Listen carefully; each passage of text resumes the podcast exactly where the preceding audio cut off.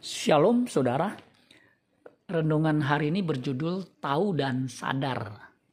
Yohanes 11 ayat 49 sampai 50. Tetapi seorang di antara mereka yaitu Kayafas, imam besar pada tahun itu, berkata kepada mereka, "Kamu tidak tahu apa-apa dan kamu tidak insaf bahwa lebih berguna bagimu jika satu orang mati untuk bangsa kita daripada seluruh bangsa kita ini binasa.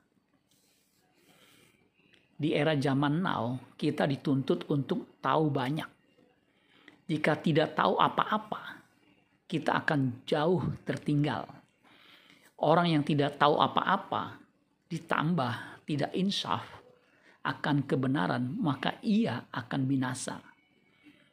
Kita harus tahu dan sadar penuh bahwa Tuhan Yesus mati di kayu salib supaya kita mendapatkan anugerah. Anugerah itulah yang diberikan pada waktu kematiannya. Kalau Tuhan Yesus tidak mati, maka seluruh manusia akan binasa di neraka abadi. Maka tepatlah perkataan sang imam besar. Meskipun ia tidak sadar apa yang dikatakannya.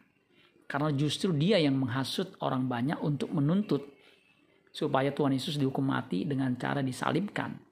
Yohanes 18 ayat 14 dan Kayafas lah yang telah menasihatkan orang-orang Yahudi adalah lebih berguna jika satu orang mati untuk seluruh bangsa. Orang Kristen yang tahu dan sadar akan kebenaran dituntut menjadi orang yang berguna dan memberikan buah. Jika tidak, ia akan ditolak Kristus. Amin buat firman Tuhan. Tuhan Yesus memberkati. Sola Gracia.